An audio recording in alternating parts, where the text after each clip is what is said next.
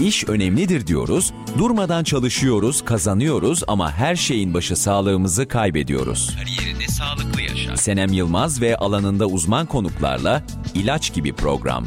Kariyerini sağlıklı yaşa.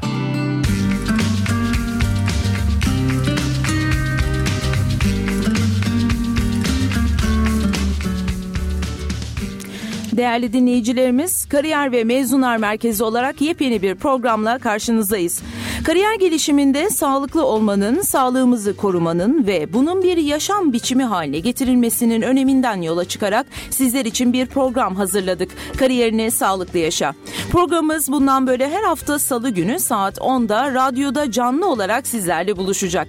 Her hafta alanında uzman konuklarla sağlık üzerine sohbet edeceğimiz programımızın ilk konuğu Ege Üniversitesi Tıp Fakültesi Endokrinoloji ve Metabolizma Hastalıkları Bilim Dalı öğretim üyesi Profesör Doktor Can Değer Yılmaz. Hocamızla bugün sağlıklı beslenme ana teması altında beslenme, obezite yani şişmanlık ve obezitenin yol açtığı hastalıklardan bahsedeceğiz. Öncelikle hocamıza hoş geldiniz demek istiyorum. Hoş geldiniz hocam ilk programımıza. Hoş bulduk. İyi yayınlar. Davet ettiğiniz için çok teşekkür ediyorum. Benim için büyük bir onur. Yaşar Üniversitesi'ne ait duygularım farklı. Ege Üniversitesi, Yaşar Üniversitesi işbirliği bilimde toplumsal etkinliklerde, sosyal, kültürel işlerde her zaman birliktedir. Bu birliktelik nedeniyle kendimi evimde hissettiren ve ilk konuk olarak burada bulunmaktan duyduğum sevincimi üniversitem adına izleyicilere, dinleyicilere de söylemek istiyorum. Çok teşekkür ederim. Hayırlı olsun. Efendim onur verdiniz. Çok teşekkür ediyoruz. Aslında e, bizim daha heyecanlı olmamız lazım. Çünkü karşımızda profesyonel bir radyocu var. E, bu özelliğiniz sanıyorum bilinmiyor ama yanılmıyorsam e, lisede ilk program, ilk radyoyu kuran ve program yapan sizsiniz değil mi? Doğru ben Isparta'da e, yaşayan bir ailenin çocuğuyum ve lise ikinci sınıftayken üç arkadaş bir müzik öğretmenimiz bir de okul müdürümüz merdivenin altındaki bir küçük alanı bir e, ses iletme cihazı ve mikrofonla birleştirip Şehit Ali İhsan Kalmaz Lisesi radyosunu kurmuştuk ilk kez. Bunu hatırlattığınız için teşekkür ediyorum. Çok uzun yıllar önceydi. 65'ten bahsediyoruz. 1965'ten bahsediyoruz. 64-65 yılları. O zamanlar kayıtlar ve imkanlar bu kadar yaygın değildi.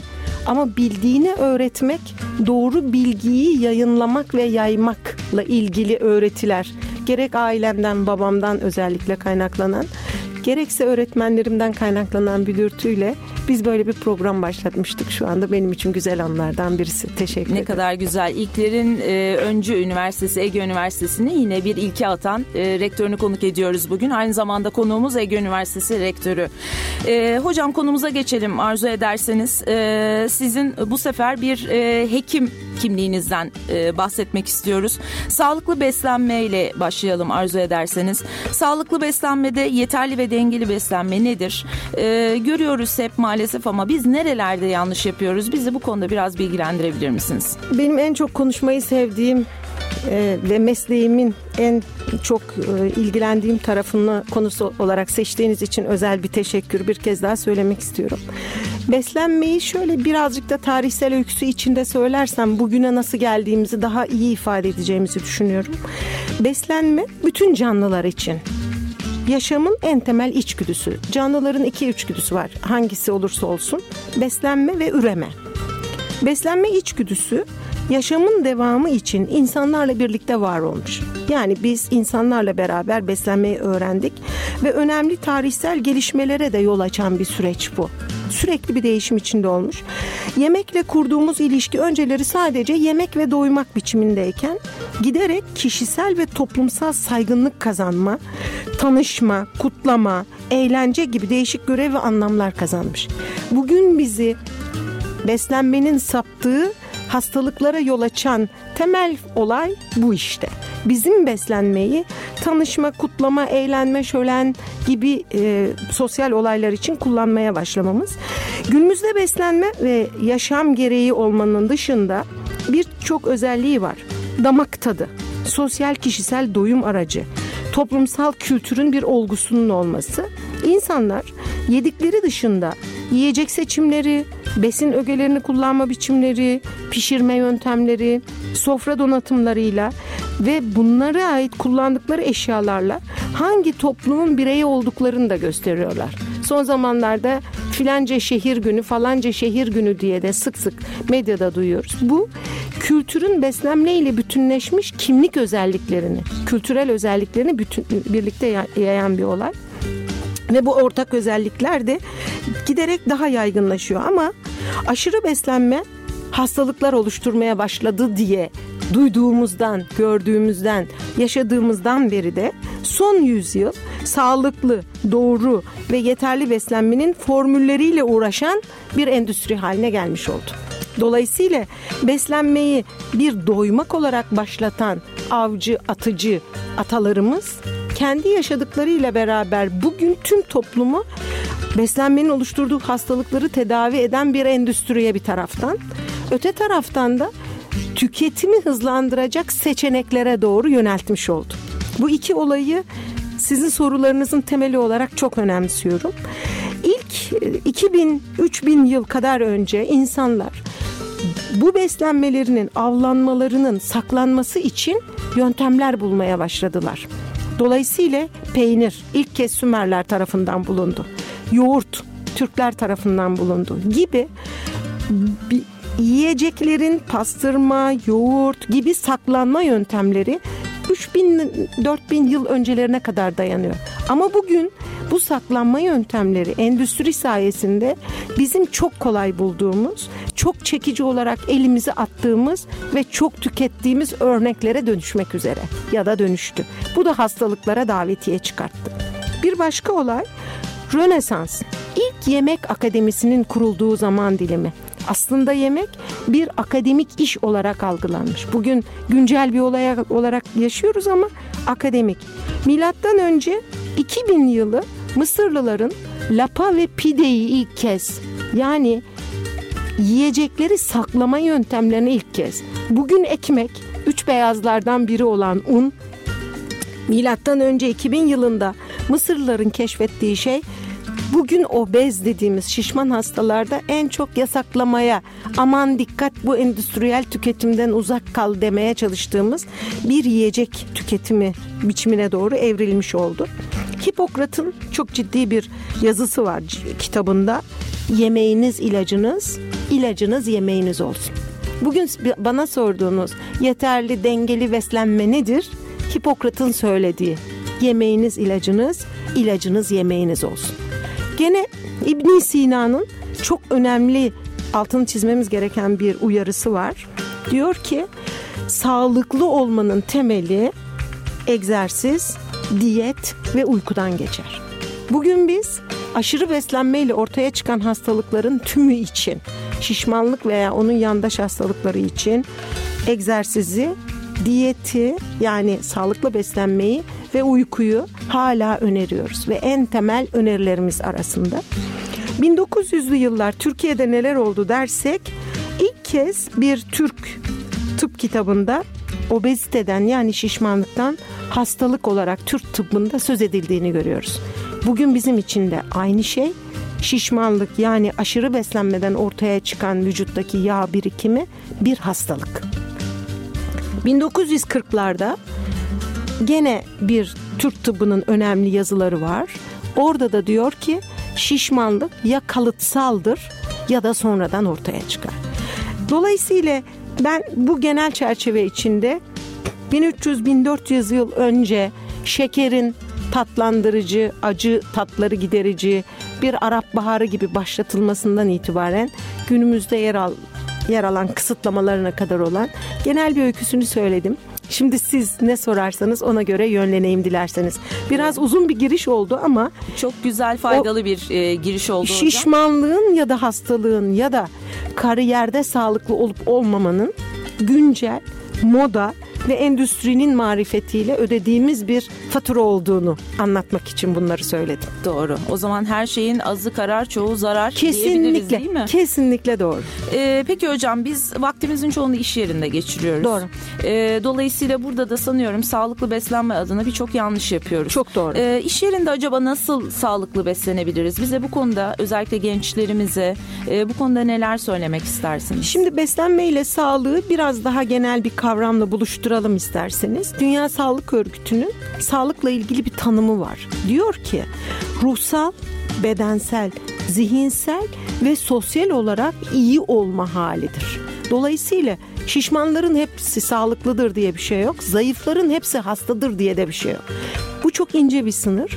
Dolayısıyla insanların yaşamlarını devam ettirmeleri için gerekli enerjiyi bu kariyer de aynı zamanda iş yeri de gerekli enerjiyi sağlayacak kadar tüm besin çeşitlerinden yeterli miktarda eşit ve yeterli miktarda düzenli tüketmeleriyle ortaya çıkan işe yeterli ve sağlıklı beslenme diyoruz.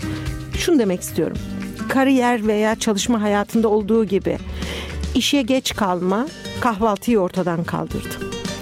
Toplantıların uzun sürmesi veya sıfır beden mankenlere özenti insanların öğün atlamasına sebep oldu. 3. Zamanı iyi kullanmak adına sürekli endüstriyel gıda tüketimi ki bunlar yağdan ve tuzdan çok zengindir. Bunların iş yerlerinde sıklıkla tüketilmesi başka bir sağlıksızlık nedeni ortaya çıkarttı. Bir başka olay bilişim teknolojisi. Sürekli bilişim teknolojisinin yaşamımızı daha motorize zaman kaybetmemek için motorize yaşamamızın sonuçları az hareket, aşırı beslenme ile giren kalorinin çok, harcananın az olmasıyla vücutta yağ birikimi dediğimiz şişmanlığa yol açtı. Kariyer hayatında sağlıksız beslenme sadece bir tip diyetle ilgili değil ya da beslenmeyle çoklu bir sistem. Ama burada çok önemli olan bir şey var. Özellikle iş yerlerinde insanların birbirlerine aktardıkları kirlenmiş bilgiler, yanlış uygulamalar toplumu yaygın olarak hastalıklı bireylerden oluşan bir popülasyon durumuna getirdi. Hiçbir beslenme modeli tek tip beslenmeyle doğru değildir. Hiçbir diyet. Bunların hepsi modadır.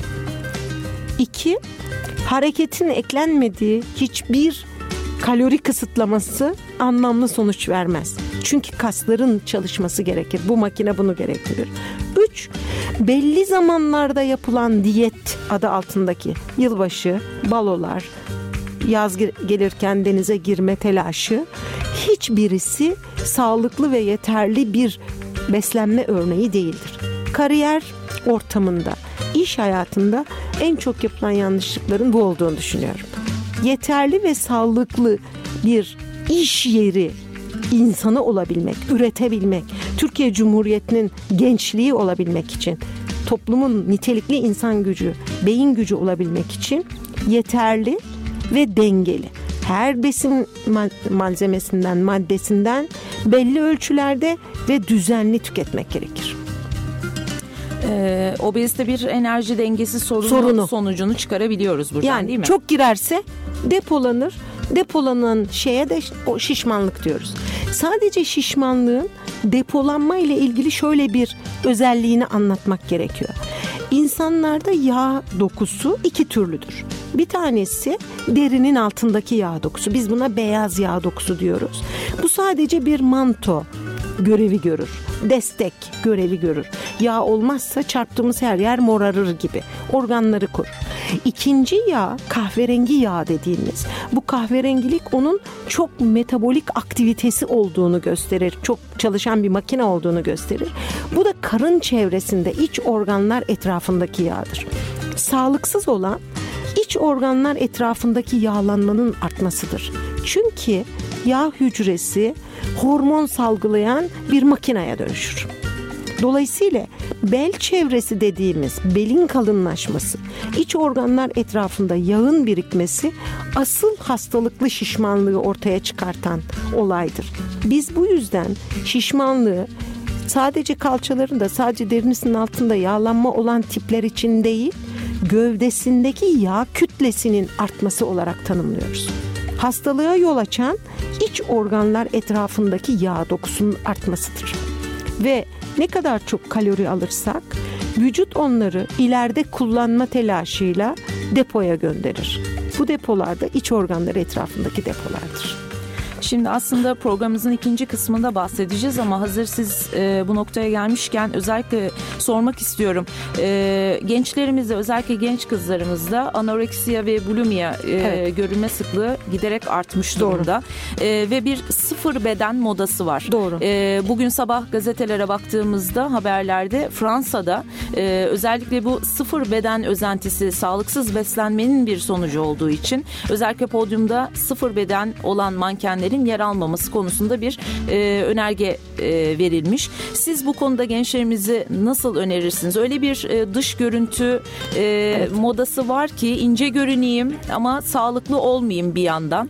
E, zayıflık her şey midir işin Türkçesi Sayın Hocam? Bu çok ciddi bir konu. Bence çok önemli bir öneri. Biz sürekli sağlıkla ilgili bilgi kirliliğinden söz ederken bunu vurgulamaya çalışıyoruz hekimler olarak. Hasta olmak çok kolaydır ama hastalığı önlemek çok zordur. Uzun süreli bir kültür gerektirir. Birlikte hareket etmeyi gerektirir. Dolayısıyla ister aşırı zayıflık, anoreksiya dediğimiz, ister aşırı şişmanlık olsun. Her ikisi de ailenin ve toplumun sorunlarıdır. Bireyden öte. Dolayısıyla bu tür kararlar alınması, bunun yaygınlaştırılması, devlet stratejilerinin olması fevkalade önemlidir. Şişmanlık bir modadır. Zayıflık da bir modadır. 60'lı yıllarda Twiggy diye bir manken, anoreksik bir kız mankenlik yapıyordu. Benim gençliğimde her hepimiz ona özendiriliyorduk. Bu kadar bilişim teknolojisi yaygın değilken bile ince olmaya çalışıyorduk. Bu bir moda ve çok hızlı yayılan bir moda ama çok sağlıksız. Hastalık derecesinde kötü bir sonuç.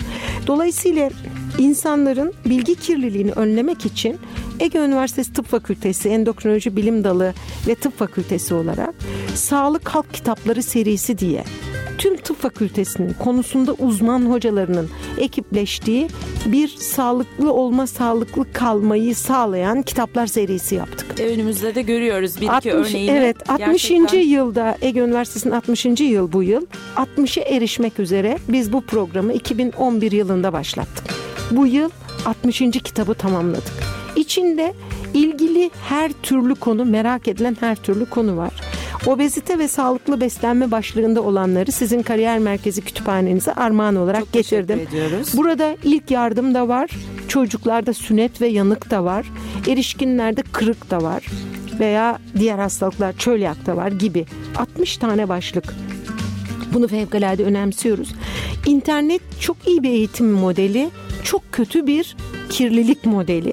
İnternetteki her okuduklarını, attarlardan alınan her şeye, bahar yaklaşırken ortaya çıkan mucize diyetlere hiç yönelmeden sağlıklı beslenmek yani bizim gıda olarak tükettiklerimizi eşit, dengeli ve her gün tüketebilmek lazım.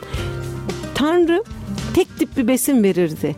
Öyle değil. Çoklu besinler vermiş. Bunun anlamı bir besindeki çok küçücük bir iz elementin birikerek vücutta sağlığı koruması içindir. Bazı şeyleri senede bir kez tüketiriz ama onun içindeki mesela sarımsak içinde selenyum vardır ve çok önemli bir enzim aktivatörüdür.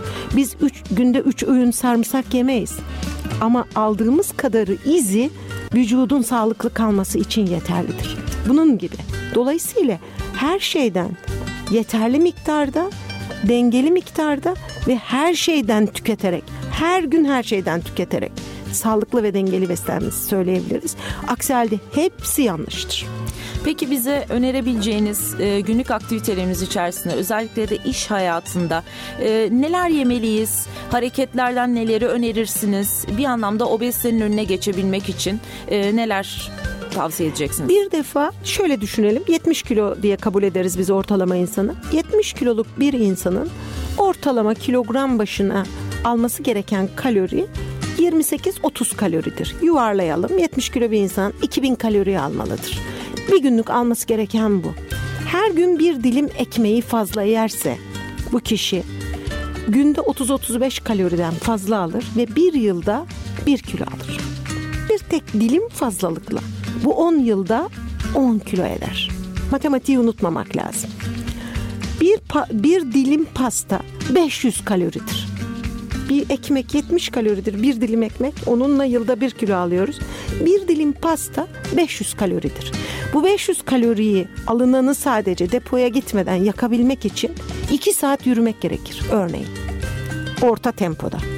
Bunlar bir insanın aktivitesiyle tükettiği arasında matematiği unutmamasını söyler.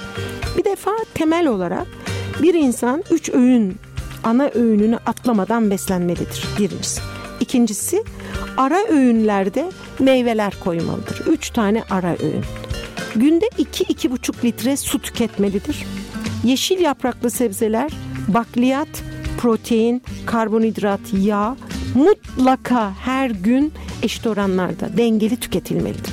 Bu laflar çok yuvarlak laflar ama örneğin sabah kahvaltısında bir ince dilim ekmek, bir dilim peynir, domates, biber, salatalık gibi bir bir cevizin yarı yarısı gibi ya da bir kayısı gibi üç tane dört tane zeytin gibi bir kahvaltı yanında bir bardak sütle mutlaka yapılmalıdır. Ara öğün 10 buçuk gibi yarım küçük elma veya bir elma, bir mandalin gibi kolay tüketilebilecek, iş yerinde tüketilebilecek bir meyve. Hiçbir şey yoksa bir bardak ayran. 12-1 gibi öğle yemeği, bir porsiyon sebze yemeği mutlaka olmalı. Bu sebze etli de olabilir, sade olabilir.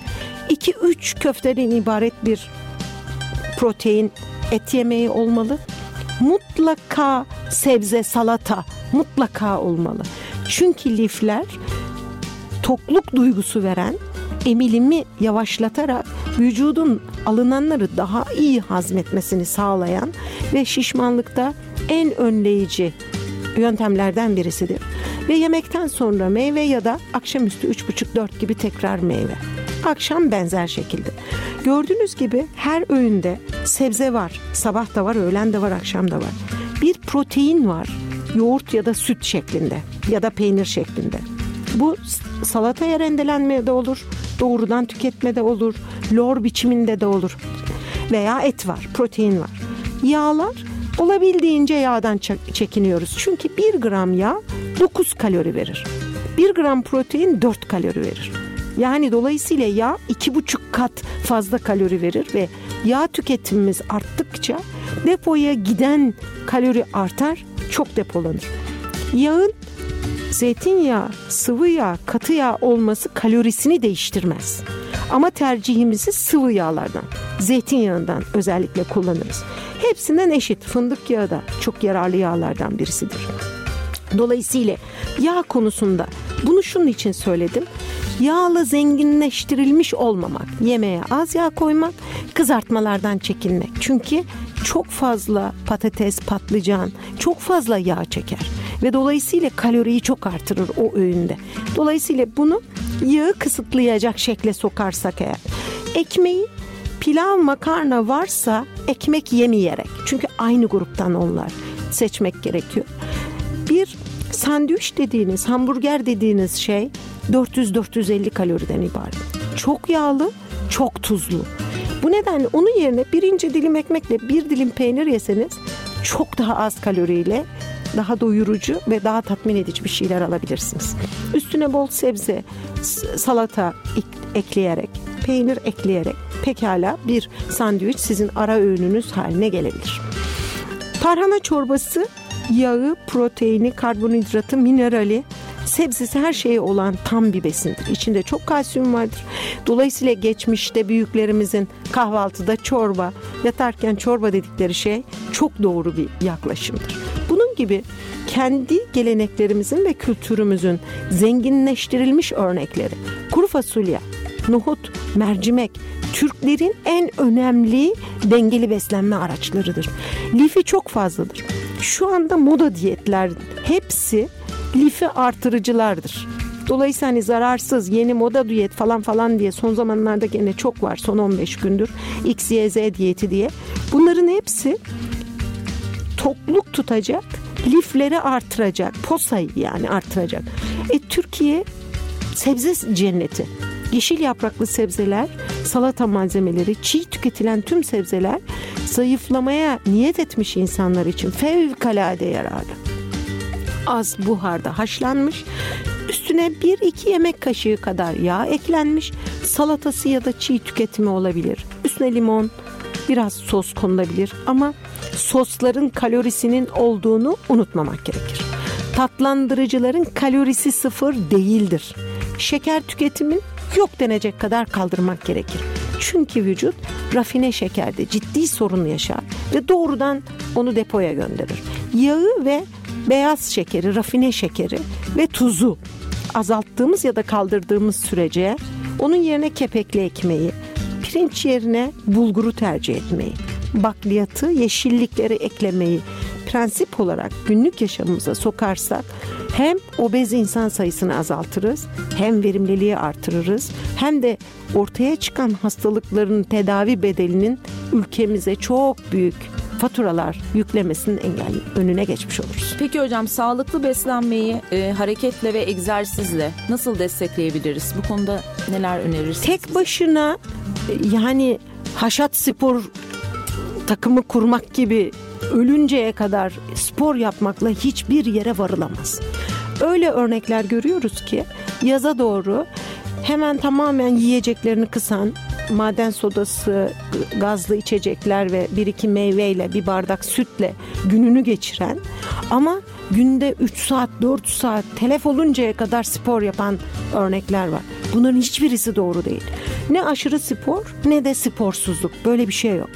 İdeali herkesin haftanın her günü hemen hemen ama en az 5 günü yarım saat kadar hafif tempolu hafifçe nefes nefese merdiven çıkmış hissi yaratacak. Nefes hafif nefesi artacak şekilde yürümesidir. Yürüme kasların en iyi çalıştırıldığı, en ucuz, insan ruhunu te- tedavi eden, çevreyi tanıyan, doğayla baş başa bırakan sporlardan birisidir. Bahane yaratmadan en kolay biçimde öğleyin kariyer yapanlar, iş yerlerinde olanlar da öğlenleri yarım saat yürümeyi terletmeden olduğu için mümkündür. Hemen bir yemek yiyip hızlıca yarım saatlik bir yürümeyi alışkanlık haline getirmeleri fevkalade yararlıdır. Bunun dışında hafta sonları bu süre yarım saatten bir saate çıkartılabilir. Çok daha efektif olur. Beslenmeyi yarım saatlik yani haftada 150-200 dakikalık yürüyüşe eşleştirmezsek hiçbir şeyin tek başına faydası olmaz. Ne iki saat deli gibi terleyerek zayıflanabilir. Tabii geçici zayıflamalar olur ama vücut bunu bir alarm olarak kabul eder ve hemen kapatır. Pek çok e, spor merkezine giden hastamız oldu. Saatlerce orada kendilerini telef edecek kadar hareket yapıyorlar. Çıkışta simitleri alıp birlikte kahvaltı yapıyorlar eşofmanlarıyla kahvaltı yerlerinde. Ne aşırı spor ne de bunu ödüllendirecek simit, peynir ikisi de doğru değil. Simit dört dilim ekmek demektir kalori olarak. Bir simiti bitirmek demek bir kocaman öğün yemek. Bir simit yedim başka bir şey yemedim diye Türkçe'de bir laf var. Yağı var susam nedeniyle. Dolayısıyla dörtte bir simit bir dilim ekmek kadardır. Tüketirken bu lezzeti her şey lezzetli damak tadımız var ama ölçülü damak tadını ölçülü kullanmayı öğrenmezsek o zaman birey olma bilincinin çok ötesinde sıradan insanlar oluruz. Türk insanı sıradan insan olamaz. Mümkün değil. Türkiye Cumhuriyeti sıradan insanların oluşturduğu bir cumhuriyet değil. Ee, hocam çok teşekkür ediyoruz. Şimdi programımızın ilk bölümüne e, kısa bir ara veriyoruz. Obeziteyle evet programımıza devam edeceğiz.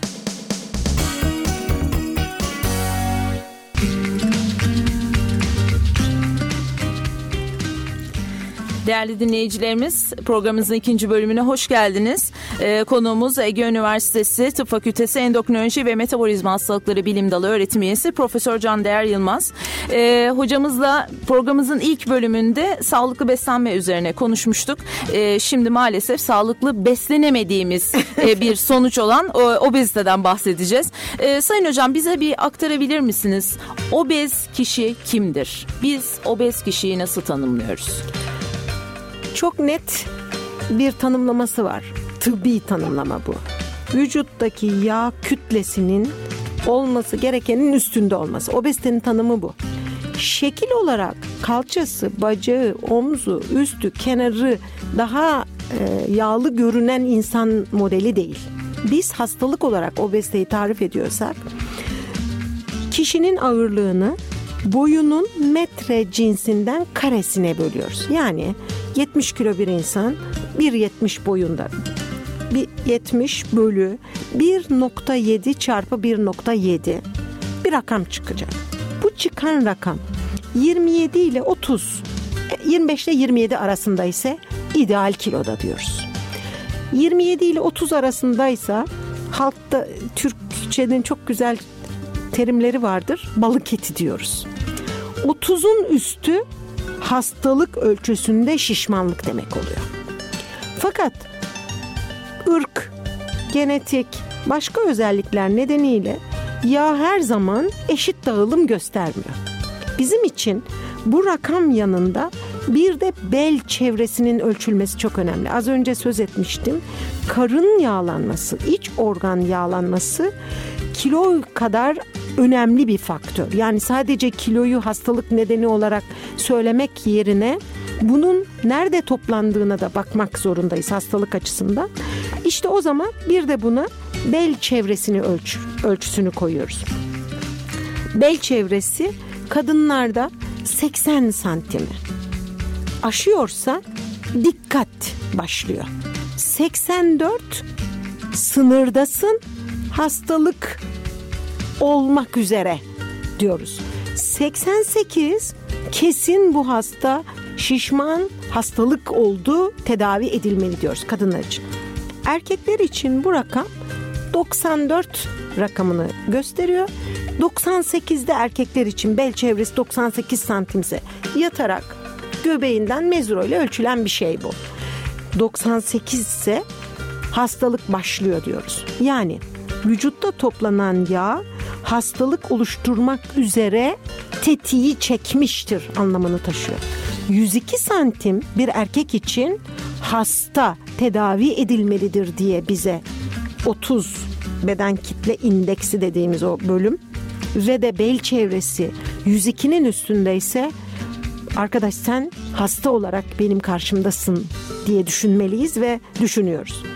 Çünkü şişmanlıkla ortaya çıkan bel çevresindeki bu yağ hücreleri pek çok sisteme ait hormonlar üretiyorlar. Ürettikleri hormonların en önemlisini kalp ve dolaşım sistemini bozacak şekilde üretiyorlar.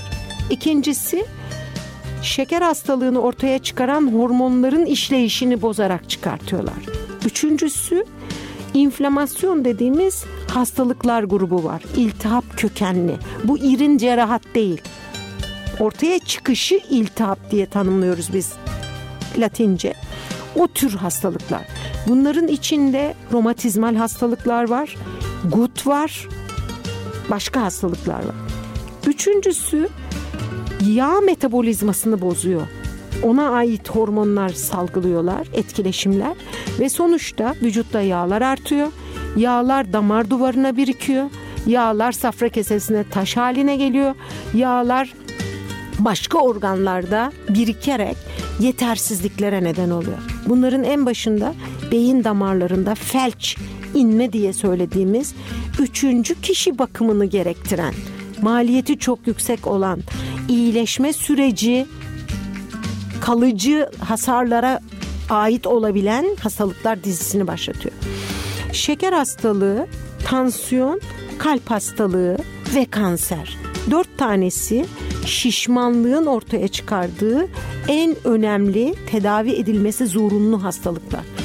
Gut, ürik asit yüksekliği, böbrek yetmezliği gibi bir sürü e, tohum hücrelerinin yetersizliği, infertilite diyoruz. Çocuğunun olmaması, adet bozuklukları, seksüel yaşam bozuklukları, ağırlığın oluşturduğu eklem bozuklukları gibi bir sürü sayabileceğimiz hastalık ikinci derecede.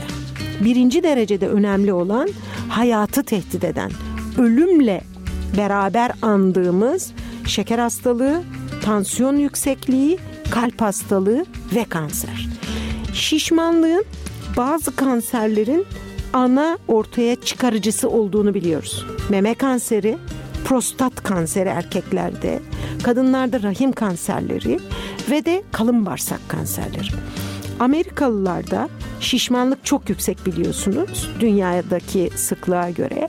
Onlar çünkü çok yağlı besleniyorlar ve de çok tüketiyorlar. Tabakları çok büyük. Buradan Amerika'ya gidenler yani bir tabak et söyledim üç kişi tüketemedik filan diye abartılı. Bunlar Amerikalıların kilo almasında beslenme bozuklukları ve fast food oralardan başladı. İkincisi de çok şeker tüketiyor olmaları çok fazla.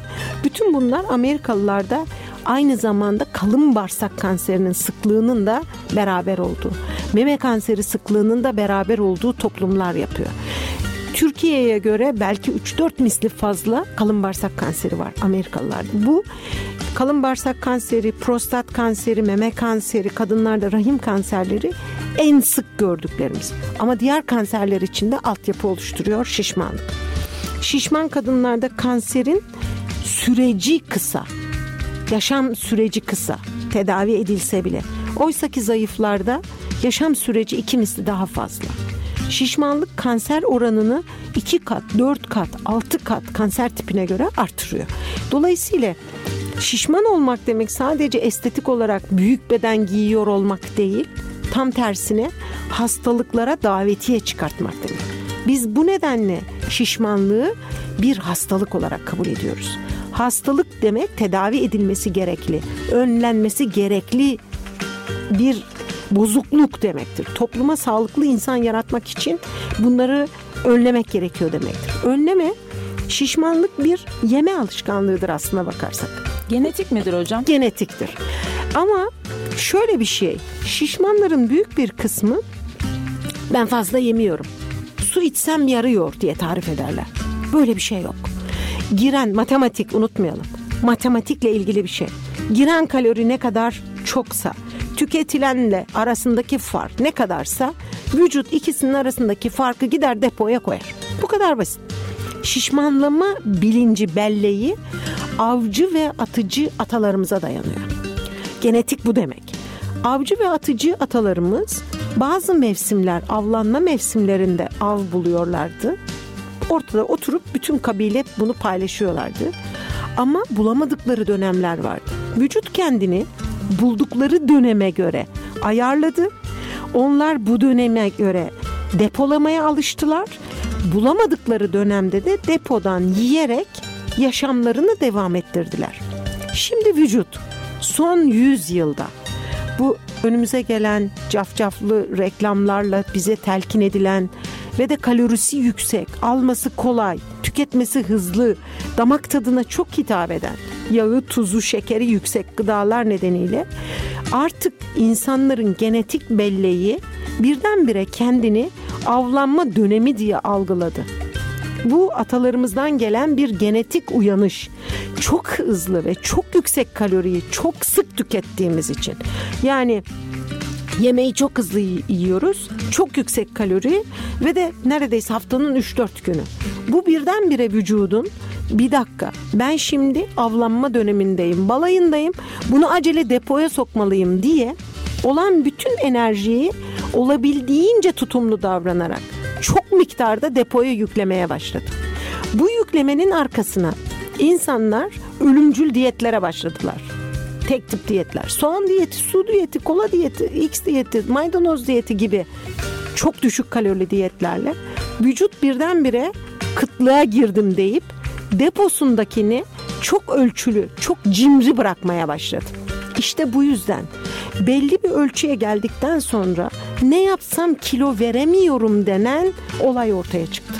Dolayısıyla vücudu çoklar ve yoklarla terbiye etmemek, bu strese sokmamak, beslenmeyi düzenli ve harcadığı kalori kadar yapmak gerekir. Abartılı kilolar, abartılı kilo vermeler başarı değildir. Her şişman kilo verebilir. Her doktor hastasına kilo verdirebilir. Her merkez bir niyetle bir şekilde 2-3 ayda kilo verdirebilir. 10 kilo, 15 kilo, 20 kilo. Bunların hiçbirisinin hekimler olarak bir anlamı yok. İdeal olanı sürekli yapabileceğiniz bir şeydir. Herkesin ideal bir kilosu vardır. Herkesin ille 10 kilo zayıflaması gerekmez. Bizim için, doktorlar için zayıflamada başarı bir yılda 5 kilo verebilmek ve bunu koruyabilmektir. Bir yılda bir 5 yılda kilo. 5 kilo. Ama insanların günümüzdeki hedefi bir Ayda ayda, beş 10 kilo. kilo, vermek İşte gibi. bu şok, vücudu oluşturan bu şok o diyetin arkasından abartılı daha çok yemeye ve vücudun da kendini ben daha önce bir kıtlık yaşadım. Değerini düşürdüm bu deponun. Öyleyse bu sefer depoyu daha üst değere çıkarayım diye kendine yeni bir nokta belirlemesine yol açar. Bu yüzden al ver al ver olanlar gittikçe eski kilolarına hiç dönemez hale gelirler Doğru daha fazla katlanarak, geri katlanarak. alıyoruz değil mi Bu kilolarımızı? yo-yo diyeti diyoruz biz buna. Çok yok, çok yok. Bu yo-yo yani yo-yo oynanan oyunlar gibi zıplatarak vücudu kandırmak, aldatmak, aptallaştırmak, düzenini bozmak hiçbir insanın hakkı değildir. Vücut insanlara bir armağandır. Dolayısıyla bu armağanı düzgün kullanmak gerekir. Peki hocam acaba bunun e, daha doğrusu kilo vermenin yaşla bağlantısı var mı? Çünkü metabolizmamız Var. belli bir yaştan sonra Var. yavaşlıyor. E, bu e, kilo vermemiz açısından artı bir değer midir, eksi bir değer midir? Şimdi şöyle diyelim. 2-3 yaşındaki bir çocuk hayatının en büyük enerjisine sahiptir. Onun için çok hareketlidir. Büyüme enerjisi vardır. Aldığı kaloriyi büyüme için kullanır ve çok fazla enerjisi açığa çıkar. Gençler aynı şekilde ama 25-30 yaşından itibaren artık vücudun büyümeye ve gelişmeye değil olgunlaşmaya ihtiyacı vardır ve o belli bir standart düzeydir artık. Dolayısıyla daha fazla enerjiye ihtiyacı yoktur. Dolayısıyla orta yaş grubunda kilo verme abartılı yüklenme olmadığı sürece yılda 5 kilo 6 kilo alma verme şeklinde devam edebilir. Fakat yaş arttıkça orta yaş ve üstünde artık vücudun enerji tüketiminde yavaşlık ortaya çıkar. Biz buna bazal metabolik hızın yavaşlaması diyoruz. Hareketlerimiz gibi. Emekli bir insanla 30 yaşındaki bir insan aynı hızda mı yürüyor? Aynı şekilde mi üretiyor? Aynı şekilde mi düşünüyor? Aynı şekilde mi yemeği tüketiyor? Aynı değil. Dolayısıyla orta yaş ve üstünde metabolizma yavaşladığı için kendiliğinden yılda 1-2 kiloluk artımlar vardır. Menopoz sonrası kadınlarda ve orta yaştan sonra erkeklerde. Bunu abartmadan yapmak gerekir veya kaloriyi artırarak kilo vermenin zorlaştığı bir dönemi yükleyerek götürmemek gerekir. Üstelik bu yaş grubu aynı zamanda hastalıkları için de vücudun eskimeye başladığı bir yaş grubudur. En iyi kilo verilen dönem ve en fazla kilo alınan dönem gençliktir. 35-45'e kadar olan dönemdir. Her yaşta kilo verilebilir, her yaşta kilo alınabilir. Kilo sadece aslında gençlerin ve yetişkinlerin problemi Herkesin, değil. herkesin. Ee, maalesef günümüzde görüyoruz Herkesin. çocukların da büyük sorunu. Ee, bu konuda neler söylemek istersiniz? Çünkü sanıyorum yeni gelen nesil e, bayağı kilolu, fast food'dan zengin e, ve çok fazla da e, kalori içeren yiyeceklerle besleniyor. Bunda Doğru. sanıyorum ailelerin e, bakış açılarının da e, etkisi var. Aman çocuğum istediği yesin, aç kalmasın. aynen. Hatta daha bebekken değil mi? Bebeğin Doğru. ihtiyacı olmadığı halde fazla e, şekilde beslemeye çalışıyoruz ek gıda takviyeleriyle. Bu konuda nasıl uyarılarda bulunmak istersiniz? Şişmanlığı önemli hale getiren birkaç tane neden vardır. Birincisi ortaya çıkardığı demin söylediğim hastalıklar nedeniyle maliyetin çok artması ve sakat bireyler yaratması. İkincisi kalıtsal olması, tüm aileyi ilgilendirmesi ki bunların içinden en önemlisi de çocukluk çağından itibaren olması. Ne yazık ki bugün normal çocuklar çocuğum zayıf diye annelerin, anneannelerin, babaannelerin hayıflanıp doktor doktor gezdiği ya da bulduğu her şeyi çocuğa tıkıştırdığı bir beslenme modeline dönüşmüştür. Bu bir tıkıştırmayı özel kullanıyor. Çocuklar beslenmiyor, tıkıştırılıyor. Annenin e, veya yakınların çocuğu daha gö- gürbüz görme hayali en büyük yanlışlardan birisidir. Çünkü çağda çocuklar şişmanladıkça yağ hücre sayısı artmaktadır. Oysa erişkinlikte hücrenin içeriği artmaktadır. İçeriği azaltmak kolaydır. Hücre sayısını azaltmak mümkün değildir. Bu yüzden çocuklukta şişmanlık ileriye dönük en büyük kötülüklerden birisi. Kalıcı hastalıklara da yol açmaktadır. Kalıcı hastalıkları erkene çekmektir. Ne yazık ki günümüzde dünyada en büyük problem çocukluk çağı şişmanlığı ve çocukluk çağında artan şeker hastalığıdır. erişkinlere benzer şeker hastalığında öngöremediğimiz kadar büyük bir artış vardır. 10 yıl önce bir öngörü hesapları yapıyorduk o günkü rakamlarla. Bugün onların hepsi çöktü. Öngördüğümüze göre 2-3 kat daha yüksek sayıda çocukluk çağı şişmanlığı ve şeker hastalığıyla karşı karşıyayız. Bugün bu konunun en önemli vurgusu çocukluk çağı obezitesinin önemi ve geleceğe dönük yaptığı çok ciddi alarmdır. Çocuklarımız egzersiz yapmıyor. Herkes çocuğuna beden eğitiminden rapor almakla meşgul. Bu en büyük hata. Sokaklar, parkların azalması nedeniyle çocukların servisle gidip servisle geldiği, bilgisayarla önüne konduğu, güven bunalımı dendiği. Hareketin sıfıra indi. Sıfıra indi. Ama ne olursa olsun hala parklar var. Hala çocuklarımızla orada geçirebileceğimiz bir saatler var. Anne işten geldikten sonra, baba işten geldikten sonra çocuğuyla hala bunu yapabilecek düzeyde. İşin kolayına kaçmamak gerek. Bir de öğün atlamadan çocuğumuzla beraber masaya oturup e, beraber evet. yemek yemeliyiz değil mi hocam? Çocuğun bes, özellikle sebzelerdeki seçiciliğine engel olmak, sevebileceği ufak tefek garnitürlerle onu yemesini sağlamak, tek tip beslenmenin önüne geçmek yapabileceğimiz en önemli şeyler. Çocukları, ebeveynleri hep birlikte.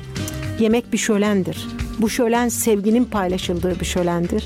Bu şölende küçük lokmalarla çok çiğneyerek bu şölenin tadına varmak gerekir. Şimdi, çok hızlı yediğimiz zaman hiçbir şeyin tadını almayız. İnanın bana.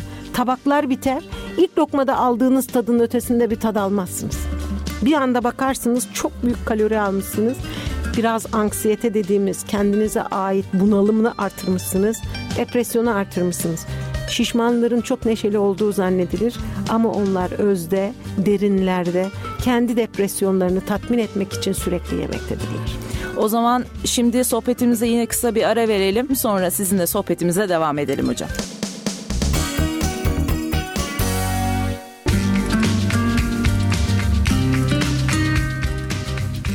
Efendim programımızın son bölümüyle devam ediyoruz. Sayın hocam obeziteden bahsettik. Ee, aslında hiç obez olmamayı dileyerek sağlıklı bir şekilde yaşamımızı, kariyerimizi nasıl devam ettirebileceğimize ilişkin konuştuk. Programımızın son bölümünde bizlere obezite ile ilgili bir tedavi yöntemi var mıdır? Ee, ve uyarı niteliğinde bizlere söylemek istediğiniz e, son sözleriniz nelerdir? Bunları alabilir miyiz? Bir, obezite bir hastalıktır. Salgın şekilde artmaktadır tedavi edilmesi zorunludur. Tedavinin ana teması kişinin kendine özgü kalori kısıtlaması ve yaşam biçimi değişikliğini gerektirir. Birinin önerisi öbürüne asla uymaz. Obezite tedavisindeki en büyük hata tek tip örneklerden oluşan diyetlere tabi olmak, modaya uymak. Üçüncüsü, ikincisi modaya uymak. Üçüncüsü de onun bunun yaptıklarını tekrarlamaya çalışmak. Birbirimize ilaç tavsiye Asla. etmek, diyet tavsiye etmek ne diyet, gibi değil mi? Ne ilaç. Başkasının vücudunun özellikleri ötekinin özellikleriyle uyuşmaz. Bu çok sakıncalı ve çok fazla yan etkiye sebep olur. Bu nedenle hayatını kaybetmiş çok fazla genç gördüm ben. Bu yüzden salgın hastalık tedavi edilmesi gerekir ama mutlak bir hekim rehberliğinde kişiye özgü yapılmalıdır. Aynı kiloda olsa bile birisi için 5 kilo vermek yeterlidir, diğeri için 10 kilo vermek gereklidir. Buna hekim karar verecektir. Önemli olan kilo vermek değildir. Bunu herkes yapabilir. Sudan ucuz, çocuktan çocukluk oyuncağı bir şeydir. Önemli olan kalıcı, sürekli o şekilde yaşamayı aile olarak önemseyip benimseyip sürdürülebilen bir örneğe getirmektir. Bazen 3 kilo bizim için çok değerlidir. 30 kilodan daha değerlidir. Önemli olan kilo vermek değil, kaybedileni korumak ve ideale yakın olmaktır. İdeal tek bir rakam değildir. Bir insan 85,5 kilo olacaktır diye bir kural yoktur. Artı eksi yüzde on normalin sınırlarıdır. Dolayısıyla insanların kendilerine özgü çalışma, yaş, bedensel özelliği, metabolizma durumu, eşlik eden hastalıkları, eşlik eden özellikleri dikkate alınarak bir formül içinde yaşamlarını standartize etmeleri gerekir. Kopyayla asla başarılabilecek bir sınav değildir. Ee, Sayın Hocam programımızın ilk konuğu oldunuz. Ee, size çok teşekkür ediyoruz. Bizlere sağlıklı beslenme, obiz, obezite ve obezitenin yan etkilerinden bahsettiniz. Ee, değerli dinleyicilerimiz programımız burada sona eriyor. Bundan sonra her hafta salı günü farklı konu ve konuklarla sizlerle radyoda canlı olarak buluşmaya devam edeceğiz. Kariyerinizi sağlıklı yaşamanızı diliyor. İyi günler diliyoruz efendim. İyi günler.